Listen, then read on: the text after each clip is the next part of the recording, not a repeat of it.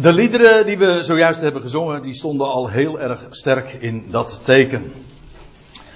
En het is een onderwerp waar we het vanmorgen eens nader over willen hebben. Dat in de hele Bijbel zo'n grote rol speelt. Namelijk de eer aan God. En als ik u alleen maar één woord noem, dat echt een heel internationaal woord is. Halleluja. Het is een Hebreeuws woord, maar in elke taal klinkt het. Halleluja, maar dat betekent niks anders dan lof zij God. Of prijs God. Of eigenlijk is het de naam van God. Halleluja. En dat, en dat ja, dat eindigt, dat is de naam van God. Dat wil zeggen prijs Yahweh. Ik ben die ik ben. Nou, dat is de rode draad van het begin tot het einde. En dat is niet omdat God, ik denk dat het belangrijk is om dat ons te realiseren, omdat God eergevoelig is of een groot ego zou hebben. Hm? Of omdat God zit te wachten op eerbetoon. Of om compliment. U weet wel, dat is in feite vaak, eh, als, het, eh, als je wat psychologisch benadert, een, uh, een minderwaardigheidscomplex. En dat je daarom, dat probeer dan te compenseren door door mensen die jou maar complimenteren. Maar bij, als we het hebben over de eer van God, dan hebben we het over dat wat Hij waardig is. Wat Hij, wat de waarheid is, de heerlijkheid. De heerlijkheid van wie Hij is. En dat blijkt inderdaad, welke heerlijkheid we er ook over hebben. Het is allemaal de heerlijkheid van Hem. We zullen dat straks ook nader bezien. Laat ik eerst eens eventjes wat zeggen over de oorsprong van deze specifieke uitdrukking. Tot lof van zijn heerlijkheid. Dat is een uitdrukking die we een drietal keren tegenkomen in de brief aan de Efeziërs. De brief die Paulus heeft geschreven aan de Efezebrief vanuit de gevangenis.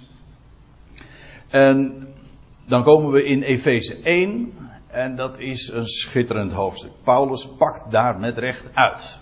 En als ik het zo zeg, dan is dat misschien nog wel dubbelzinnig ook, want het is één grote schatkamer. En ja, dat is niet voor niks dat ik het zo ook zeg, want als u dan even met mij bladert. Ja, ik heb uh, allemaal dia's, maar goed. Even ter introductie, dan lees je in vrijwel het begin, in vers 3 staat er. Zo begint de apostel dan te, te spreken en te schrijven. Gezegend zij of geloofd zij de God en Vader van onze Heer Jezus Christus. De volle titel van hem die opgewekt is uit de doden. Wel, de God en Vader van hem die zij gelooft. Waarom? Die ons zegent. Gewoon, staat in een, een, in een tijdloze werkwoordvorm. Hij zegent ons. En dan staat er in de meeste vertalingen helaas gereduceerd omdat het kennelijk een beetje al te bond was eh, in de oren of in de ogen van de vertalers, heeft men van alle allerlei gemaakt. Maar dat is een reductie op de tekst, er staat gewoon het woordje alle. Die ons zegent met alle of elke geestelijke zegen te midden van de hemelsen in Christus Jezus. Dat is een hele mond vol en in werkelijkheid gaat de, de zin nog veel langer door en het is, het is één grote nou, dat is een beetje overdreven, maar Efeze 1, dat zijn, een, zijn maar een paar zinnen. En soms denk je, als je het voorleest, ik struikel over mijn woorden. Maar dat is ook precies zoals Paulus het heeft opgetekend. Hij, God is het die ons zegent, ons, en dan gaat het hier in de Efezebrief specifiek over degene, uiteraard zou ik haar zeggen, degene die in Christus zijn. Dat wil zeggen, degene die vandaag het voorrecht genieten, want zo is het, ja, maar daarover straks meer, die het voorrecht genieten in Hem te mogen zijn. Dat wil zeggen, Hem te mogen kennen. Dat is een, dat is een voorrecht. Dus, dat bedoel ik ook, het is een, een recht dat ons is gegeven, maar dat wij ook voor hebben op zoveel anderen. Je bent uitgekozen. En het is een, maar het is wel ook iets, een, een recht wat uiteindelijk aan elk schepsel ten deel valt. Dat wil zeggen om Hem te kennen en Hem te loven. Maar denk er eens even aan. Gezegend met elke geestelijke zegen. Elke geestelijke zegen in Christus Jezus. Er is niets in Gods, als ik het zo mag zeggen, schatkamer, wat Hij niet geeft aan degene die nu vandaag in Hem is, die Hem mag kennen. Nou, dat is, uh, dat is onvoorstelbaar.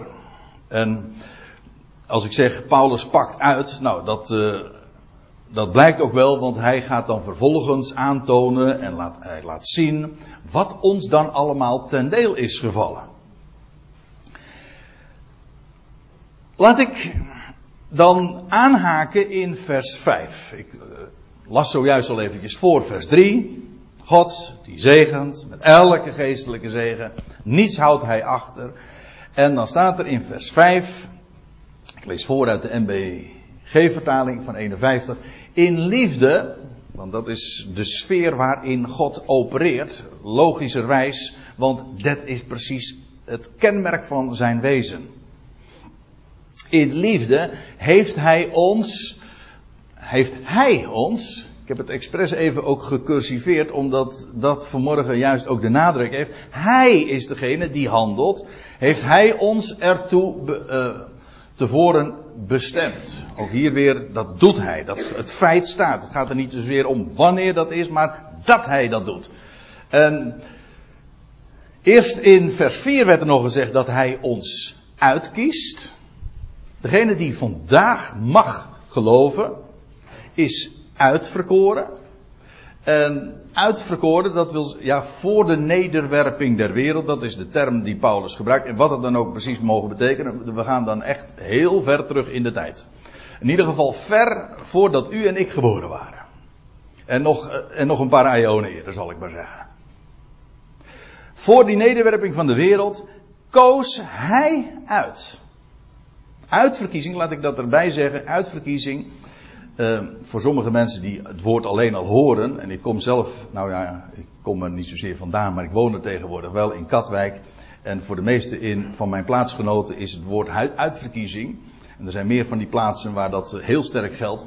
Uh, die krijgen de vibraties al, als ik het zo mag zeggen, als ze het woord horen. Hm? Uitverkiezing.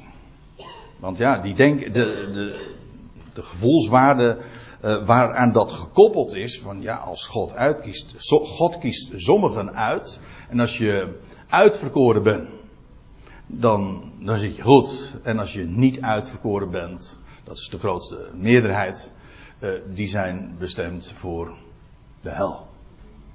Ja, ik zeg het nou even gewoon cru, maar dat is waar het op neerkomt. Je kunt, het, uh, je kunt er een strik omheen doen of het allemaal een beetje wegmoffelen, maar dat is waar het op neerkomt.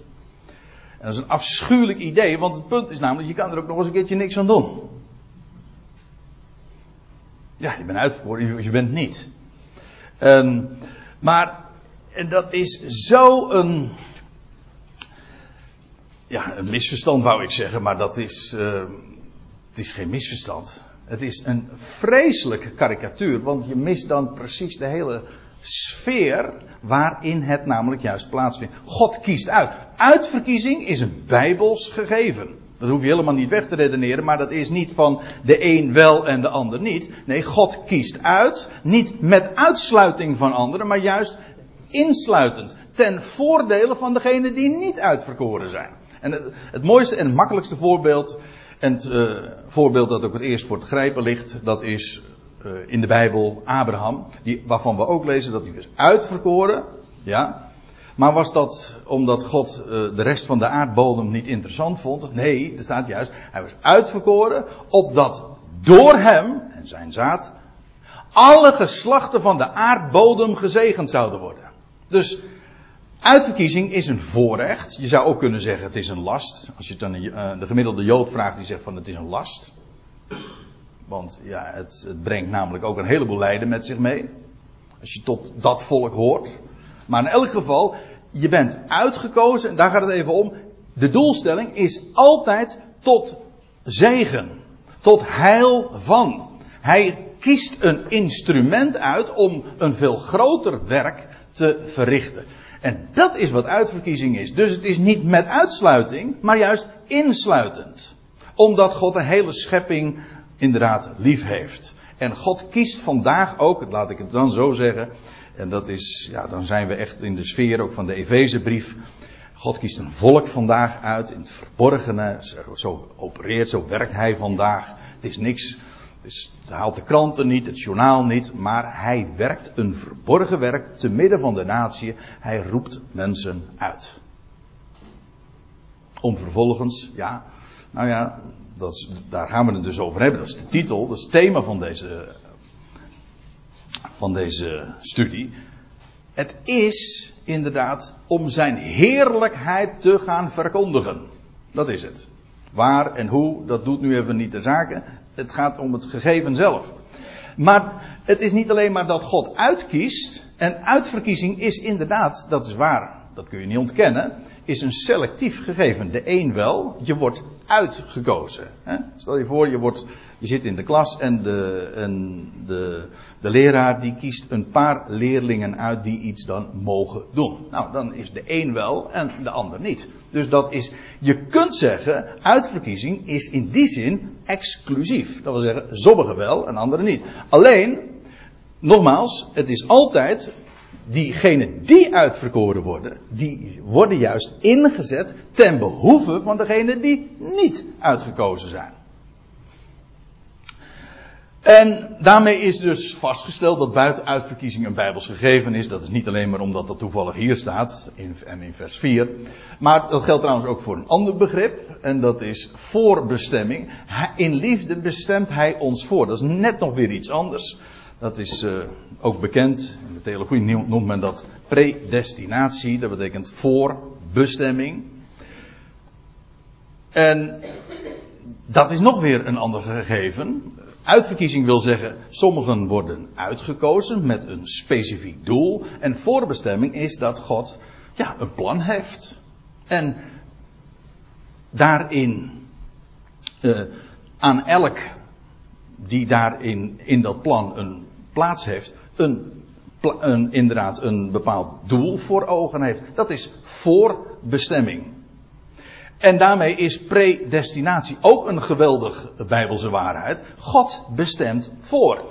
Uh, we komen er straks nog even op terug, maar in ieder geval is hier al vastgesteld, in liefde bestemt Hij voor. Hij heeft ons uitverkoren en dan staat erbij als zonen van Hem te worden aangenomen, eigenlijk tot zoonschap, tot zoonstelling door Jezus Christus van Hem. Of, en daarmee ook om, want zoonschap heeft alles te maken met, uh, met het erfdeel. Ik zet tussen aanhalingstekens, of het lotsdeel, dat wat je toevalt, wat God wil gaan geven. En dat is om de erfenis te delen inderdaad met Jezus. Namelijk de Christus. En als u even verder leest in vers 11. Dan lees je inderdaad dat we in hem, in wie wij ook dat, in wie on, uh, ook ons lotsdeel is toebedeeld. Lotsdeel is een mooi woord. Want dat wil zeggen, het, het valt je toe. Een mooi toeval. Hè? Toeval bestaat niet. Nou, toeval bestaat wel, in die zin.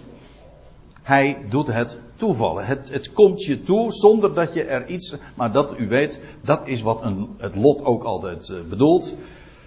Hm? Als je een lood, uh, een lo, bij een loting, dan gaat het erom, ja, jij hebt er geen invloed op. Maar het valt je gewoon, dus toevallig toe. Maar het geweldige is, er is iemand, een God, die dat alles bedeelt, doet toevallen.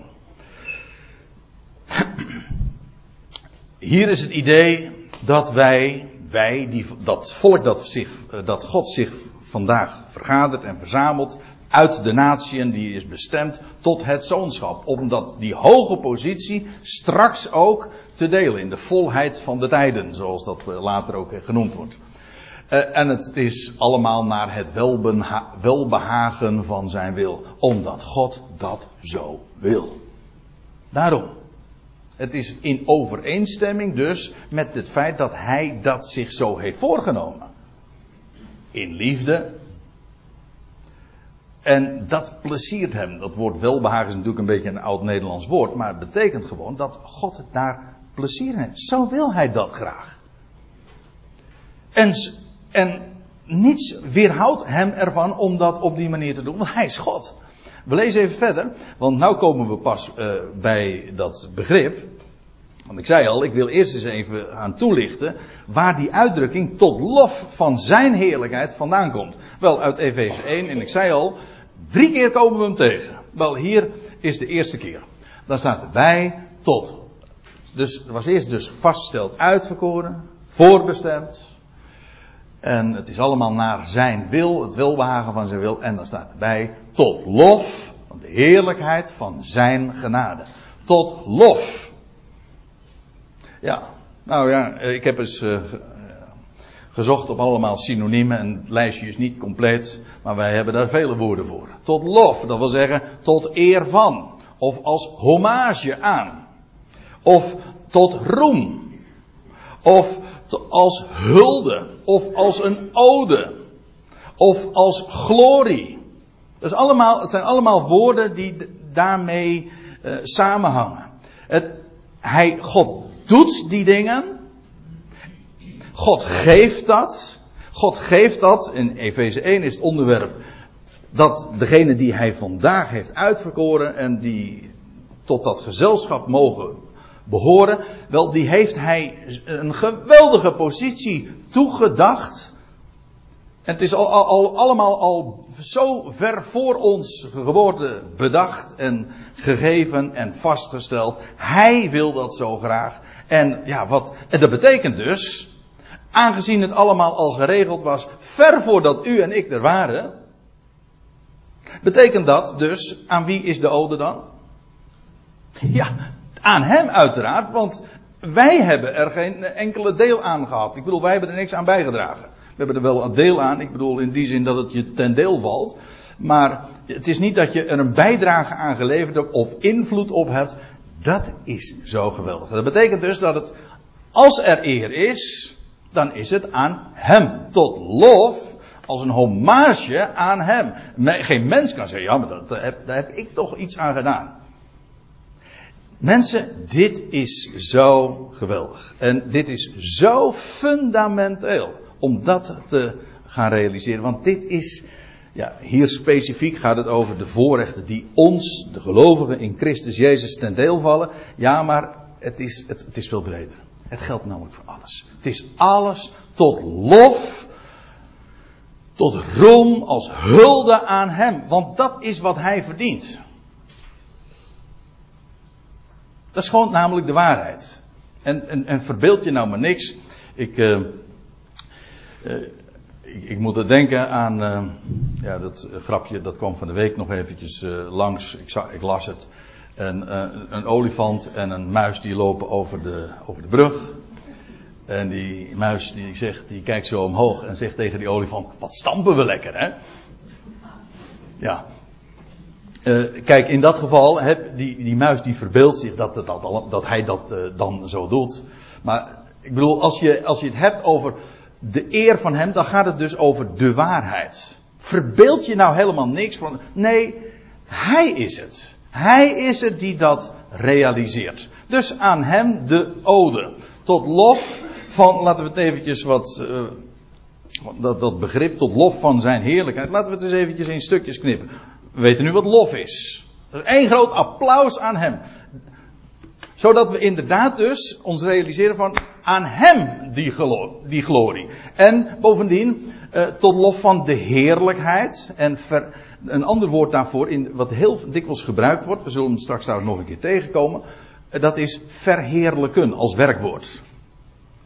Maar tot lof van de heerlijkheid, dat is dus eigenlijk niks anders dan verheerlijken. Maar verheerlijken, neem het woord letterlijk, dan betekent dat de heerlijkheid van iets in het licht stellen. Ik heb hier een plaatje van een diamant. Hè, dat is uh, de heerlijkheid, op het moment dat daar licht op schijnt, dan wordt de heerlijkheid van zo'n diamant in al zijn facetten tentoongesteld. Wel, dat is tot lof van de heerlijkheid. Tot lof van zijn heerlijkheid. Zodat dus alle ode aan, de aan, aan zijn glorie gegeven wordt. En het wordt trouwens nog wat nader ge, uh, precies gesteld. Het is tot lof van de heerlijkheid van zijn genade. En bij genade denken we, het begrip zelf, dat is het Griekse woord charis. En charis, dat betekent vreugde. Maar dan vreugde om niet. Denk eraan. Het is inderdaad, de grondgedachte is altijd dat wat blij maakt. Maar het is ook, het heeft ook de component van het is om niets. De, de Bijbel speelt natuurlijk een enorm grote rol. En het is bij ons een wat, ja, ja, bij ons, ik bedoel in het Nederlands taalgebruik is genade. En voor velen is het een, een begrip dat een bepaalde plaats heeft gekregen in de, in de dogmatiek. En wat daar allemaal aan mee gelieerd is of aan, mee geassocieerd wordt. Maar het begrip zelf was voor de Grieken heel bekend. Namelijk, ehm, het werd ook gebruikt gewoon in het alledaagse leven. Als je iets ten deel valt, wat jou blij maakt, ik noem maar wat, je, je, je, je staat op het strand en je ziet de zon ondergaan. En daar kan je soms zo blij van worden. Van, van, dingen, van momenten in de natuur dat je, dat, dat zie je zomaar, het maakt je blij. Of een goede maaltijd, wat je blij maakt. Je, je krijgt het zomaar om niet. Hm?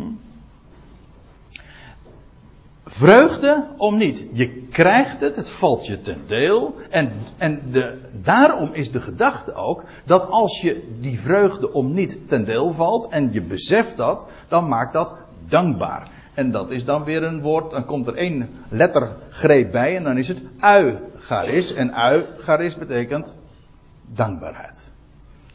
Maar dankbaarheid is niks anders dan het besef van genade. Let op, het is tot lof, al die dingen die God geeft, dat is tot lof van de heerlijkheid van zijn genade. Aan hem is dat alles. Hij doet het en dus aan hem de lof. En bovendien, maar het is ook lof van een onvoorstelbare heerlijkheid. En bovendien van genade. Je krijgt het om niet en het maakt zo onvoorstelbaar blij. Dat is het. Tot lof van de heerlijkheid van zijn genade. Dat is, dat is de, de grote doelstelling. Dus waarom geeft God die voorrechten? Niet om, uh, uh, ja, hoe zeggen ze dat? Hè? We, we zijn op de wereld, zeggen ze dan. Ja, we bennen op de wereld voor elkaar, voor elkaar, te helpen, niet waar? Dat is, uh, de jongelui onder ons, die, die, die kennen dat liedje niet eens meer, denk ik. Maar goed, maakt niet uit. dat is, of, trouwens, dat is nog een hele gunstige versie. Hè, want in deze tijd waarin de mens het ego heel erg groot is geworden, zeggen we van, je bent, er, je bent op deze wereld gewoon om, uh, om jezelf te ontplooien en om zelf zo gelukkig mogelijk te worden. Maar het is allemaal onzin. Het is wereldsdenken. Zelfs die, die eerste versie is ook wereldsdenken. We bennen op de wereld niet voor elkaar. Dat denkt u misschien wel. We bennen op de wereld alleen maar tot lof van zijn heerlijkheid. En als je adem hebt gekregen, en zoals we hier zitten hebben we dat allemaal op dit moment. Als je ademt, weet je waarom? Nou, ik had het net over dat woordje halleluja, maar hoe eindigt het boek der psalmen? Alles wat adem heeft, loven de Heer. Het is trouwens een voorzegging hoor. Het is niet alleen maar een oproep. Alles wat adem heeft, zal de Heere loven. Waarom heb je adem? Waarom heb je een tong gekregen? Ja, om te praten, maar niet om te leuteren. Ik bedoel, het is helemaal mooi over koetjes en kalfjes te praten, daar gaat het niet om. Je hebt een tong gekregen om Hem te loven. Dat is de, dat is de reden. Om Zijn heerlijkheid in het licht te zetten. Wat is het grote voordeel dat ik een tong heb? Nou, dat ik groot van Hem kan spreken van hem en tot hem kan spreken. Maar tot lof van de heerlijkheid van zijn genade betekent gewoon dat ik, dat ik die heerlijkheid van hem één grote ode ga brengen. En dat ik laat zien, het is zijn genade. En de, het, de essentie daarvan is, dat kun je alleen maar doen wanneer je ook weet dat het niet jouw werk is. Op het moment dat je denkt dat het jouw werk weer is, verdiensten, ja, dan kun je dat wel zeggen. Daarom, dat is de grote ellende met menige godsdienst. Ik bedoel ook christelijk. Het maakt me niet uit wat voor, uh, wat voor bijvoeglijk woord, uh, naamwoord je er ook voor zet. Maar dat het met de tong is. Dus, of nee, pardon, met de lippen. Je leest van het volk Israël, Jezaja zegt, dit volk eert mij met de lippen. Ze zeggen het, dat is van hem. Maar het is allemaal eigen verdienst hoor. Ze zijn gewoon bezig met werken. Zodat zij natuurlijk toch in feite zichzelf op de voorgrond kunnen stellen. Dan eer je hem met de lippen, maar het is niet echt zo. Wil je hem de eer geven? Nou, geef. Zie dan in ieder geval ook in dat het helemaal zijn werk is. Wel, als het gaat om die schatkamer van hem en wat ons ten deel valt, dat is allemaal, het is allemaal van hem, want het was al ver voor onze geboorte uh, gearrangeerd en geregeld en viel ons ten deel. Tot lof van de heerlijkheid van zijn genade. Ik moet nu echt verder gaan. Waarmee hij ons begenadigt in de geliefde. Ook hier een tijdloze werkwoordsvorm. Hij begenadigt. Dat wil zeggen, hij geeft ons die vreugde om niets. En in de geliefde. En wie dat is, dat is uiteraard eh, dat is eh, de Heer Jezus Christus. En nou ga ik even verder, want ik zei al, drie keer komen we die uitdrukking tegen, tot lof van zijn heerlijkheid. Komen we in vers 11, dan staat er, en ik, u ziet het, ik val midden in de zin, maar dan staat er, naar het voornemen van hem. Nou, eh, dan weet je ook meteen weer waar het over gaat. God heeft een voornemen, een plan. En hij werkt dat uit. Hij kiest uit ver van tevoren. Bovendien, hij bestemt voor. Het, niets gebeurt zomaar. Nee, hij heeft een plan. Het, het, het, al en alles is in overeenstemming met. Dat woord krachtens is eigenlijk overeenkomstig. Overeenkomstig het plan of het voornemen van hem, die in alles werkt, die in het al, tapanta, die in het totale. In het geheel al, in het heelal. Die in het heelal inwerkt. Opereert, of dat nou zichtbaar is, dat, nou ja, dat inwerken, dat heeft er al mee te maken dat het ook inderdaad op een verborgen wijze zich voltrekt. Maar hij is het die een plan heeft en dat gaat, en het is allemaal in overeenstemming met hem die in alles werkt naar de raad van zijn wil. Naar de bedoeling, naar het plan van wat hij wil. Dat, die raad, dat is vaak een verborgen zaak. Dat is wat zich aan het oog onttrekt, wat God bedoelt. En er gaan een heleboel dingen tegen Gods wil in, maar uiteindelijk er gaat niets tegen Gods raad in. Als je niet geloven wil, zou je het eens aan Farao moeten vragen, die Gods wil weerstond. Je leest dat in Romeinen 9. Laat mijn volk gaan, zei God via Mozes tegen hem. Hm, doe ik niet. Ging hij in tegen Gods wil. Maar ging hij in tegen Gods raad? Ja, dat dacht hij misschien. Dat kan nooit. Nooit. Nooit gebeurt er iets buiten dat plan van God, buiten zijn raad. In alles werkt hij naar de raad van zijn wil. Ja, dat is geweldig. Dat is een God kennen. Goed en kwaad. Zelfs als mensen tegen hem een vuist ballen en daar niets van willen weten. Het, het, buiten zijn plan, buiten zijn bedoeling kun je nooit terechtkomen. Nooit. Zijn, onze armen zijn zo vaak kort, veel te kort om te doen dat wat we willen. Maar ik, uh, ik, lees zo graag uh, die woorden, want die illustreren het zo perfect. Wat er in Spreuken 16 staat, vers 4, onthoud hem. God heeft uh, onthoud hem zeg ik. En terecht. Onthoud hem. Ik ben hem zelf vergeten. God, eh, nee, de Heere, Yahweh, heeft alles gemaakt voor zijn doel. En er staat erbij, want je denkt dan van ja, maar dat is natuurlijk, dat moet je niet zo extreem stellen. Nee, dat zegt hij juist wel extreem. God heeft alles gemaakt voor zijn doel. En om te onderstrepen dat hij met alles, alles bedoelt, zegt hij, zelfs de goddeloze voor de dag van het kwaad. Hij heeft met alles een bedoeling. En aangezien hij goed is, wordt dat kwaad omgesmeed. Hij heeft een bedoeling met dat alles. Met elk schepsel. Geweldig. Die in het al werkt naar de raad van zijn wil. Dit, dit geeft zo'n geweldig perspectief. Als, dit is zo belangrijk. Om God. Er staat in Romeinen 1, vers 21. Nee, ja, vers 21. Daar staat. Om God als God te verheerlijken. Niet als een godje. Die, die met bepaalde dingen dan een plan heeft en dat probeert uit te werken. God probeert nooit iets. Hij doet zijn werk. Hij heeft een plan. En vanaf het begin stond het eind al vast. Kijk, dat is God. En God als God verheerlijken betekent dat hij alles een plaats geeft. Die in alles werkt naar de raad van zijn wil. En dan komt het weer, als je dat beseft, opdat wij zouden zijn tot lof van zijn heerlijkheid. Hier heb je het weer. Tot lof van zijn heerlijkheid. Als dit waar is, dat alles werkt, gewerkt wordt naar de raad, naar de bedoeling van zijn wil, dan betekent dat het slechts één doelstelling heeft, namelijk het is tot lof van zijn heerlijkheid. Nou, geef hem de credits daarvoor, zou ik zeggen. Als je waarachtig bent. Verbeeld je niks tot lof van zijn heerlijkheid. Ik lees nog even verder, nou zijn we inmiddels in vers 14. En dan staat er ook tot verlossing van het volk dat hij zich verworven heeft. Nou ja, tot verlossing, tot vrijkoping. Het gaat hier ook over de, over de toekomst van dat wat hij zich verworf, verwerft. Ja, dat is eh, in de vertaling het volk dat hij zich verworven heeft. Nou, dat is, er zit nog wat interpretatie bij. Maar uh, als u dat een wat lastig vindt, want het is natuurlijk midden in zo'n zin, in die, dat betoog van de apostel. Uh, laat het maar even, want daar gaat het nu niet om. Het gaat erom, het is hoe dat dan ook uitgewerkt wordt, als hij verlost, dan is dat ook weer tot lof van zijn heerlijkheid. Het is gewoon het refrein in Efeze 1. Tot lof van zijn heerlijkheid. Dan weet je meteen het doel dus.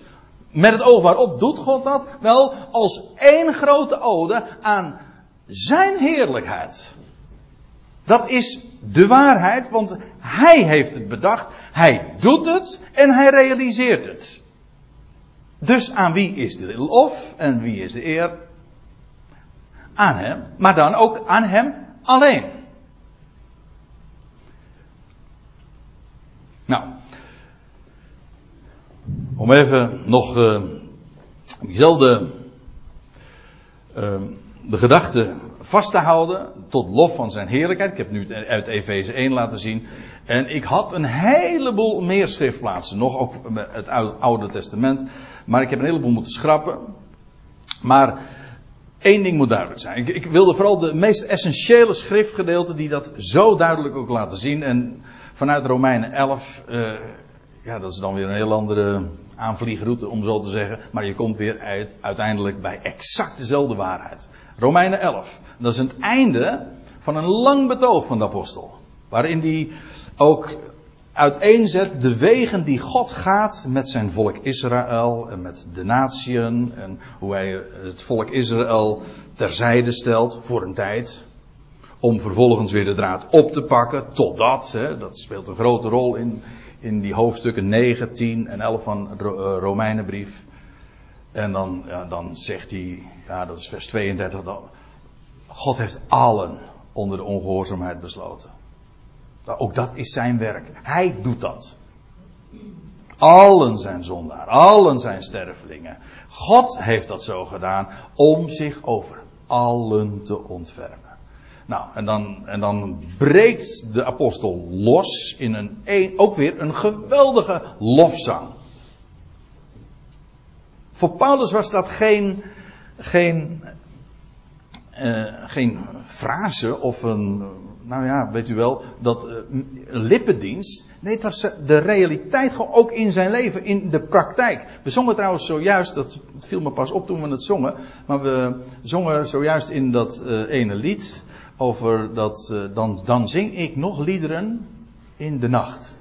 Hm, maar dat is, dat verwijst lijkt mij zo, naar die geschiedenis die, van de apostel Paulus, dat hij met Silas gevangen zat. U weet wel, in de nacht, in de kerken, in de binnenste kerken, helemaal in het blok, voor het blok, of nee, in het blok. Er kon geen kant op, en dan lees je, en, maar midden in de nacht zongen Paulus en Silas Gode lof. En al die gevangenen, ze, geneerden zich niet. Omdat, nee, dat is toch heel uh, reëel. Ze zongen Gods lof. En al die gevangenen luisterden mee en er gebeurde een geweldige aardbeving vond er toen plaats. Bij die gelegenheid, nu moet het maar eens nalezen. Maar wat, wat ik zo geweldig vind, midden in de nacht was pikken donker. In het blok. Net, ze waren zojuist nog gegezeld. En wat doen Paulus en Silas? Zongen Gods lof. Ja, en dan denk ik, dit is besef van Gods Gods heerlijkheid. Als God God is, plaatst Hij dat dus ook. En als God, die God, voor mij is, wat is er dan tegen mij? Wat kan er überhaupt tegen mij zijn? Als Hij die alles in zijn hand heeft, voor mij is, dan kan er niks tegen mij zijn. Niks. Bedenk maar iets. Ja, als er andere invloeden zouden zijn die, die ook zeg maar een factor zouden zijn in mijn leven en die, die de boel nog weer zouden kunnen scheeftrekken of ja, dan, dan, dan ben je in de aap gelogeerd zoals we dat dan zeggen. Dan gaat het hele verhaal niet meer op. Nee, maar er is één God. De God van hemel en aarde. En Paulus zegt, die is voor mij. En wat kan er dan tegen mij zijn? En dan is, ben je midden in de nacht. En dan kan alle omstandigheden tegen zijn. En, en wie geef je de eer aan hem? En dat heeft niks met voelen te maken. Ik had zojuist even over wereldse wijsheid. Die zegt van we ben op de wereld voor elkaar of voor mezelf. Of, eh, weet je wat ook wereldse wijsheid is? Dat is afgaan op je gevoel. Dit heeft niks te maken met gevoel. Of met, met je zintuigen. Dus als er iets bedriegelijk is, is het vaak je eigen conclusies. Je, is vaak projectie. En, je, en, en, onze zintuigen, want we zien namelijk maar heel beperkt. Zo, en sowieso al in de tijd. We weten niet eens wat er, wat er over, een, over een half uur gaat gebeuren. We weten dat niet. Maar er is er één die het geheel overziet en die heeft gesproken en geloof. Dat is niet, dat is geen gevoel. Geloof wil zeggen, hij heeft gesproken en zo is het. En er staat daarop, dan sta je op een rots. Als je op gevoel staat, dan sta je niet op een rots hoor. Dat is heel bewegelijk. Daarom heet het ook emotie. Motion, hè? emotion. Dat is zo bewegelijk. We noemen emoties, dat zijn. Ik, ik ben, zeggen we dat, ik ben geëmotioneerd, ik ben bewogen. Ja, nou, er is niks, ik begrijp me goed. Ik heb niks tegen beweging. Nou ja, mevrouw die zegt van wel, maar.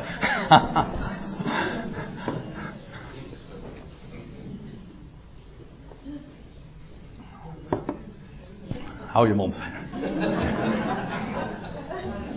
Zwijg, vrouw. Nee, ik begrijp me goed. Er gaat niks.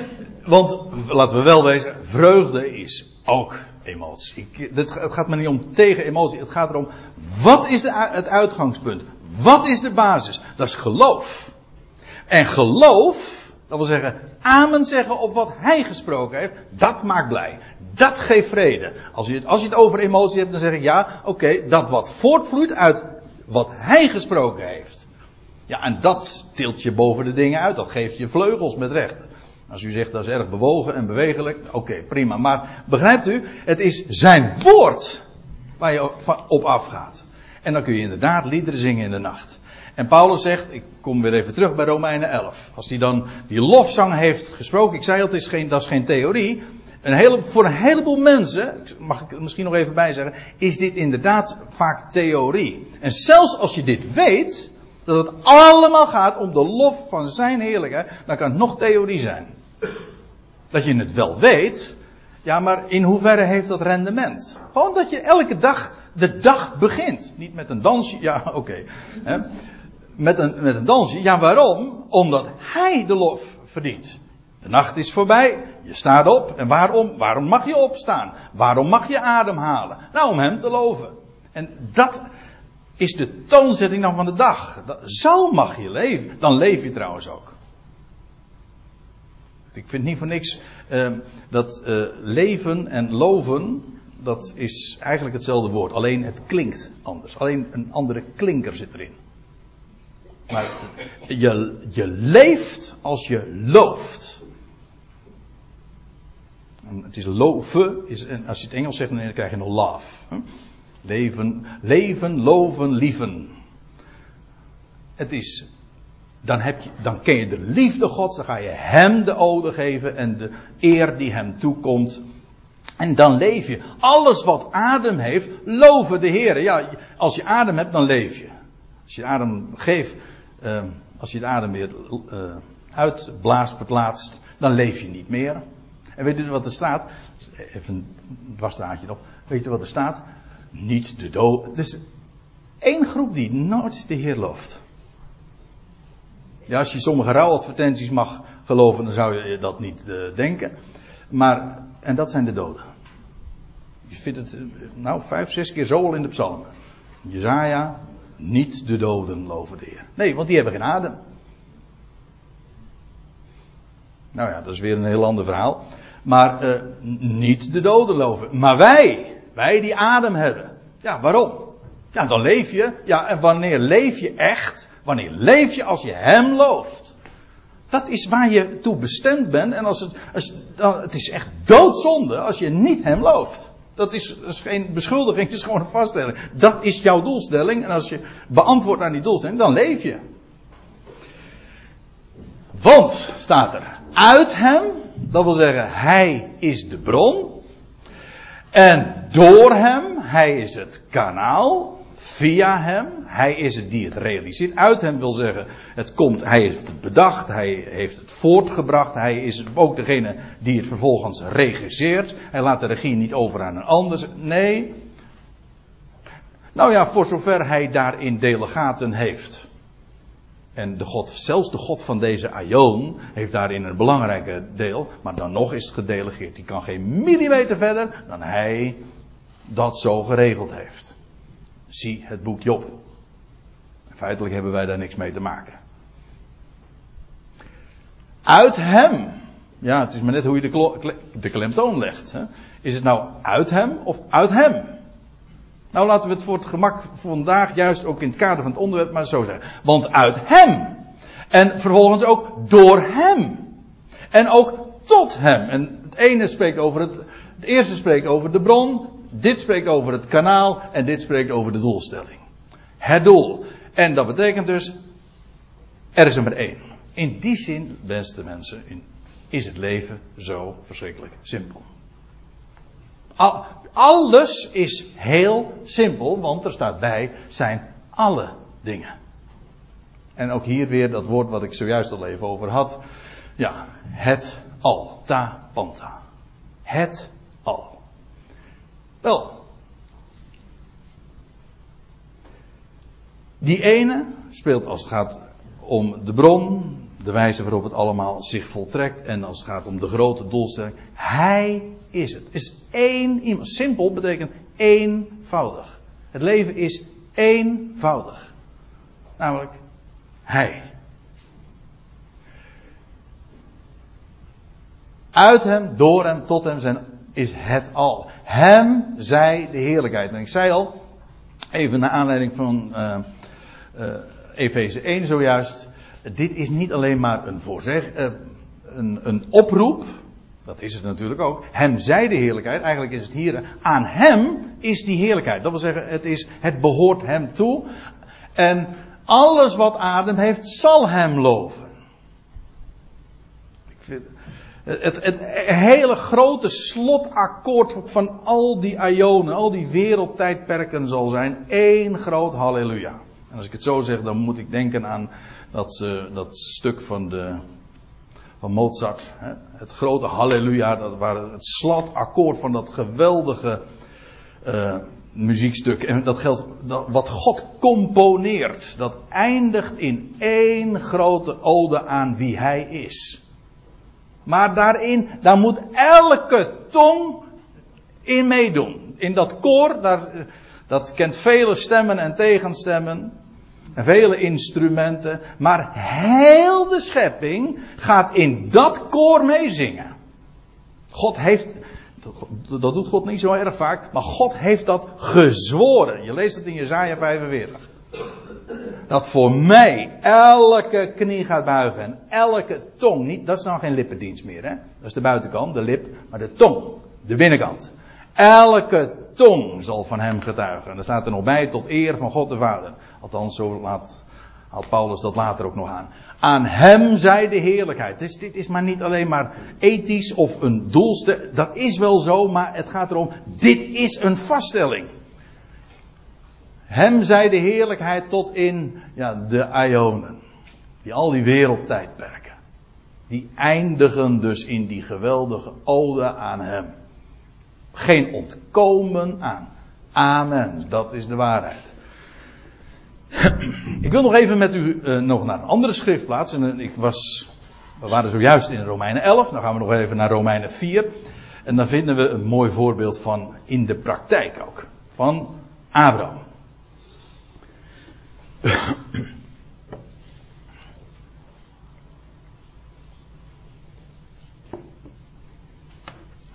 Nou ja, u ziet uh, de wijze waarop Paulus dan in vers 19 verder gaat. Dat daaruit blijkt al dat hij uh, een, een heel betoog daarop zet. En dat gaat naar aanleiding van de geschiedenis van Abraham. Abraham die geloofde God. En God had een belofte gegeven. En dan lees je in vers 19, ik, nou laat ik het maar gewoon voorlezen. En zonder te vervlauwen in het geloof, als je het boek Genesis leest, dan blijken daar toch nog wel uh, allerlei momenten in het leven uh, aan te wijzen te zijn van, van Abraham. Uh, waarin hij toch zijn eigen weg ging. Maar als God er later op terugziet, dat is heel mooi, is hij het allemaal vergeten. Kijk het maar eens na. In de Bijbel. Als God de, terugdenkt aan al die mensen in het Oude Testament, al die mensen die leefden uit geloof, dan ziet hij geen ongerechtigheid meer. Nou ja, uh, zonder te vervrouwen in het geloof, eh, dat uh, is wat Paulus dan zegt, heeft hij opgemerkt. Dat wil zeggen, heeft Abraham gewoon beschouwd, gewoon vastgesteld, geconstateerd. dat zijn eigen lichaam verstorven was. Wij zouden zeggen impotent, niet meer in staat om nageslacht voor te brengen. Daar hij ongeveer 100 jaar oud was. Nou ja, hij heeft later zijn potentie weer helemaal teruggekregen, weten we. maar in elk geval, dat is wat hij vaststelde in zijn eigen lichaam. En trouwens, uh, it takes two to tango, en dat geldt zeker als het gaat om voortplanting. Uh, zijn vrouw was bovendien al van meet af aan onvruchtbaar. Bovendien ging haar niet meer naar de wijze der vrouwen. Ze was ook zwaar over de leeftijd, zal ik maar zeggen. En, maar Sarah's moederschoot was gestorven. Verstorven. Nou. Maar God had gezegd: door jou en jouw zaad. En bovendien dat zou zijn als de sterren des hemels. Ja. Maar daar zag hij dus helemaal, helemaal bedoel ik, niks van. En dan komt het erop aan. Nou, Abraham stelt dat gewoon vast. Je hoeft je kop niet in het zand te steken, het is gewoon een vaststelling. Maar ja, Abraham kende God. Ik bedoel, hij kende God als God. Zou voor de Heer iets te wonderlijk zijn? Maar, zegt hij, er staat er dan bij, aan de belofte van God heeft hij niet getwijfeld door ongeloof. Dat wil zeggen, God had gesproken. En dat was ook wat er staat, dat is bij een eerdere gelegenheid, dat weet ik. Maar in ieder geval, dat God hem dan in de nacht inderdaad uitroept. En dan zegt hij, zo zal jouw zaad zijn, jouw nageslacht zijn. Abraham zag er niks van. Het kon naar de mens gesproken ook helemaal niet. Zoals het beloofd was. Maar Abraham zegt: Amen. U heeft het gezegd. Als u dat zegt, dan gebeurt dat gewoon. En Abraham uh, heeft daar heel lang op moeten wachten. Maar het is ge gebeurd. Aan, maar hij, laten we eventjes uh, meelezen in de tekst. En niet voor de fanfare uitlopen. Maar aan de belofte van God heeft hij niet getwijfeld, want dat is ongeloof. Maar staat er, hij werd versterkt in zijn geloof. Ja, hij werd bijmachtig gemaakt in het geloof. Kijk, en dat is precies wat geloof is. Geloof is niets anders dan amen zeggen.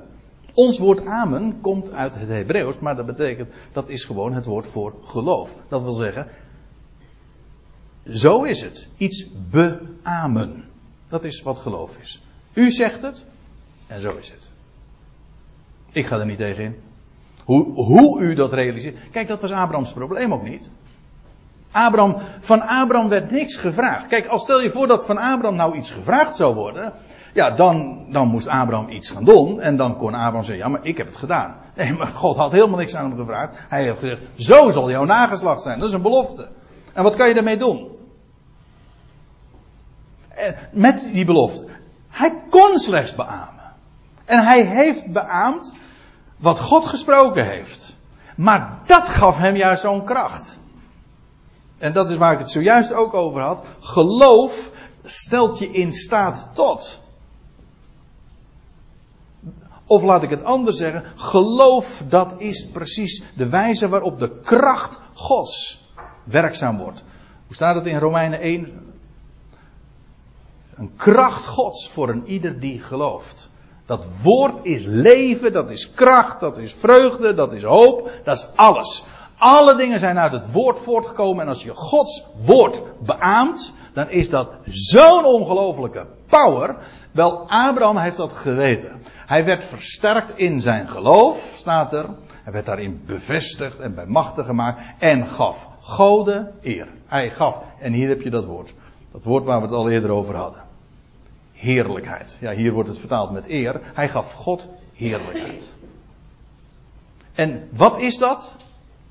Dat is dat hij de belofte van God beaamde. Maar dat is God eren. Als God zegt, ik ga dat doen. Dan eer je God maximaal door te gewoon te beamen wat hij zegt. Is dat een verdienst? Nee, helemaal niet. Als daar geroemd moet worden, dan is het hij die gesproken heeft. Ik ga dat realiseren. Dus als het gebeurt, is aan hem alle ode. En Abraham was daarin niet meer dan leidend voorwerp. Het ging natuurlijk niet buiten hem om. Nee, want hij werd potent gemaakt, hè, maar het overkwam hem. Hij was slechts een instrument. Hij gaf God de eer. En dat is, ja, dat is waar het in. Eh, dat is toch wel een van de grote kenmerken van, ja, met name de brieven die Paulus heeft geschreven en die bestemd zijn voor de natieën. Het is geloof. En wat betekent geloof? Geloof staat tegenover werken, verdienen. Geloof dat zegt, Amen, God belooft, God verklaart, God zegt, ik ben dit. Ik ben de redder van deze hele wereld. Wauw. Amen. U zegt het. Maar wat een kracht. Je het gewoon beaamt. Dan heb je echt een, dan heb je een blijde tijding. Om te vertellen. Nou ja. Hij gaf God de eer. Gevende God aan de heerlijkheid. Dus tot lof van Gods heerlijkheid. Wel, waarom? Hij in Abraham was in de volle zekerheid dat hij, God, bemachtigd was. Hetgeen hij beloofd had, ook te volbrengen. En dus gaf hij God de eer. Want als God degene is die het belooft. En als God dus verplicht is om het te doen. Dat klinkt een beetje raar als ik het zo zeg. Maar het is wel zo. We zeggen toch, belofte maakt schuld. Als God belooft, wie is dan verplicht om het te realiseren? Nou, God. Maar wie krijgt dan de ode als het gebeurt? Nou, God. Maar dan zijn we precies waar we wezen moeten. Abraham werd niks, van Abraham werd niks gevraagd, maar Abraham geloofde God. En dat was meer dan genoeg. En daarmee gaf hij God de eer. En hij dacht, als God dat zegt, als God het belooft, dan komt het dik voor elkaar. In de volle zekerheid dat hij bij machten was. u weet het, hè? dat is die zinsnede die Abraham zei. Zou voor de Heer iets te wonderlijk zijn als die dan tegengesproken werd, of Sarah die, die had een mindere dag, zeg maar. Zou voor de Heer soms iets te wonderlijk zijn? Ben je gek, man. Kijk eens om je heen. Kijk eens naar de schepping. Nou, iemand die zoiets allemaal bedenkt, bij macht is te doen. Denk je dat voor hem, die uit een dode natuur leven voort kan brengen. Het is niet voor niks voorjaar. Hè? Dan word elk jaar word je er weer bij bepaald. Zou hij niet bij machten zijn in ons verstorven lichaam nieuw leven voort te brengen? Opstandingsleven? Ze hebben het geweten. Maar Abraham, die heeft. Kijk, dat is het mooie van geloof. Je hebt, je hebt zoveel voorpret. Je weet namelijk van tevoren dat het al gebeurt. U weet dat dat is de mooiste hè, die er is. De vakantie, de vakantie moet nog komen, maar ah, je weet dat het gaat komen. En al dat plezier wat je van tevoren. Mensen ontnemen zich zo enorm veel vreugde door God tegen te spreken of te betwijfelen of het gewoon negeren. Of zeggen van ja, het zal wel waar wezen, maar ja, dan negeer je het dus. Maar als je erop gaat staan, u hebt gesproken. En daar dus ook het, ja, ik gebruik, ik, het is een beetje een economisch begrip, maar ik ben een Nederlander. Dan haal je het volle rendement eruit. Als je zou weten de heerlijkheid die wij die ons wacht. Ja, uiteindelijk de hele schepping. Maar dan, dan kun je het je toch niet meer permitteren om nog één seconde gedeprimeerd door het leven te gaan. Het, ik gaat er niet om dat het niet mag. Als nee, het gaat erom. Als je zou weten de heerlijkheid die ons, die geopenbaard zal worden. En dat het niet eens waard is vergeleken te worden. Dat is Paulus' formulering. Niet eens waard is vergeleken te worden met het lijden van de tegenwoordige tijd. Nou, dat probeer ik helemaal niet te kleineren of te, te minimaliseren. Want nou ja, als u de krant leest en als u het nieuws volgt, dan weet u wat voor afschuwelijk leed er dag in dag uit waar we op getrakteerd worden. En dan is het nog maar een, een fractie. Dus begrijp me goed, dat wil ik niet minimaliseren. Maar dan te bedenken dat het lijden van die tegenwoordige tijd niet eens waard is vergeleken te worden. Mensen, minimaliseren die heerlijkheid niet die gaat komen. En wat God voornemens is en gaat doen. Sta daarop. Kijk, en dan wordt je perceptie echt anders. Dan kijk je naar een andere wereld. Gods perceptie is ook anders dan de onze. Wij zien slechts wat voor ogen is, maar God ziet verder en groter en dieper en door. Hij ziet alles. En dat is het geweldige van geloof, want dat geeft ons zijn waarneming. Nou, nou wil ik nog even naar 1 Korinthe 1. 1 Korinthe 1, dat is het laatste schriftgedeelte wat ik genoemd wil hebben in dit verband. Want nou, dan gaat het in dat hoofdstuk, daar zet Paulus uiteen wat Gods wijsheid is. In de ogen van de wereld dwaasheid, maar goed, dat is vice versa ook zo. Want uh, de wijsheid van deze wereld, ach, het is gewoon dwaasheid. En dan eindigt Paulus zijn verhaal. Hij heeft, zijn, hij heeft die Corinthiërs net een beetje te kijk gezet. Zo nou, bewaar, hij zegt, kijk nou eens wat je was toen je geroepen werd. Niet vele wijze, niet veel aanzienlijke. We stellen niet zo heel veel voor. Nee, wat, God, wat onaanzienlijk is, wat zwak is, dat heeft God uitgekozen. God heeft daar een voorliefde voor. Juist om dat wat, wat meent te zijn, te kijk te zetten.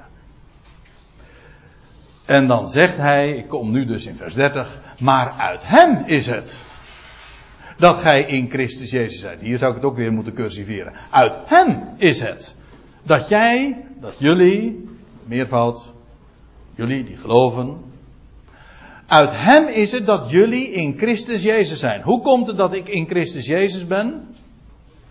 Nou, Paulus zegt dat is uit hem. Hij heeft jou geroepen. Hij heeft jou overtuigd. Hij heeft jou de ogen geopend. En dus, aan wie is alle eer? Ja, aan hem. Want het is uit hem. Dat je in Christus Jezus vandaag bent. En Christus Jezus, eh, die ons van God is geworden wijsheid. Eigenlijk staat er, want hier staat dan, uh, ja, als u een MBG-vertaling hebt, trouwens vrijwel alle vertalingen zetten hier dan een, uh, een, die ons van God is geworden, dubbele punt, wijsheid, maar het staat er anders. Hij, er staat eigenlijk die ons is geworden, wijsheid van God. Van Gods wegen. Hij, Christus Jezus, is ons van Gods wegen wijsheid geworden. Gods wijsheid. Dat is zijn intelligentie, zijn uitzicht. En die alle wijsheid van deze wereld, of wat daarvoor doorgaat, gewoon volstrekt belachelijk maakt. Maar het is allemaal van, van Gods wegen. Hij is ons van Gods wegen wijsheid geworden. En dan dubbele punt. Wat is die wijsheid van God? Dat is mooi. Want ik had het zojuist over uit en door en tot. Maar hier heb je weer die driedeling. Die ons bepalen bij het verleden, bij het heden en de toekomst. We zijn, het is uit Hem dat je in Christus Jezus bent. En dat is Gods wijsheid, dubbele punt, waaruit bestaat dat? Wel rechtvaardigheid. Dat wil zeggen, God rechtvaardigt. God verklaart je rechtvaardig. En dat is het verleden. Kijk, hier worden degenen aangesproken die vandaag Christus Jezus, in Christus Jezus geloven. Nou, het feit dat je in Hem bent, dat is genade. Het is namelijk uit Hem. En je werd gerechtvaardigd. Dat je een rechtvaardige bent, dat is puur uit hem. Maar dat niet alleen, niet alleen die rechtvaardiging is uit hem, maar ook de heiliging. Vervolgens gaat God mensen heiligen. Dat is geen eigen werk, dan wordt het zelfheiliging. En dat is hetzelfde als schijnheiliging. Ja, nee, want kijk, het is uit hem. Hij heiligt. Hij zit apart. Hij maakt ons.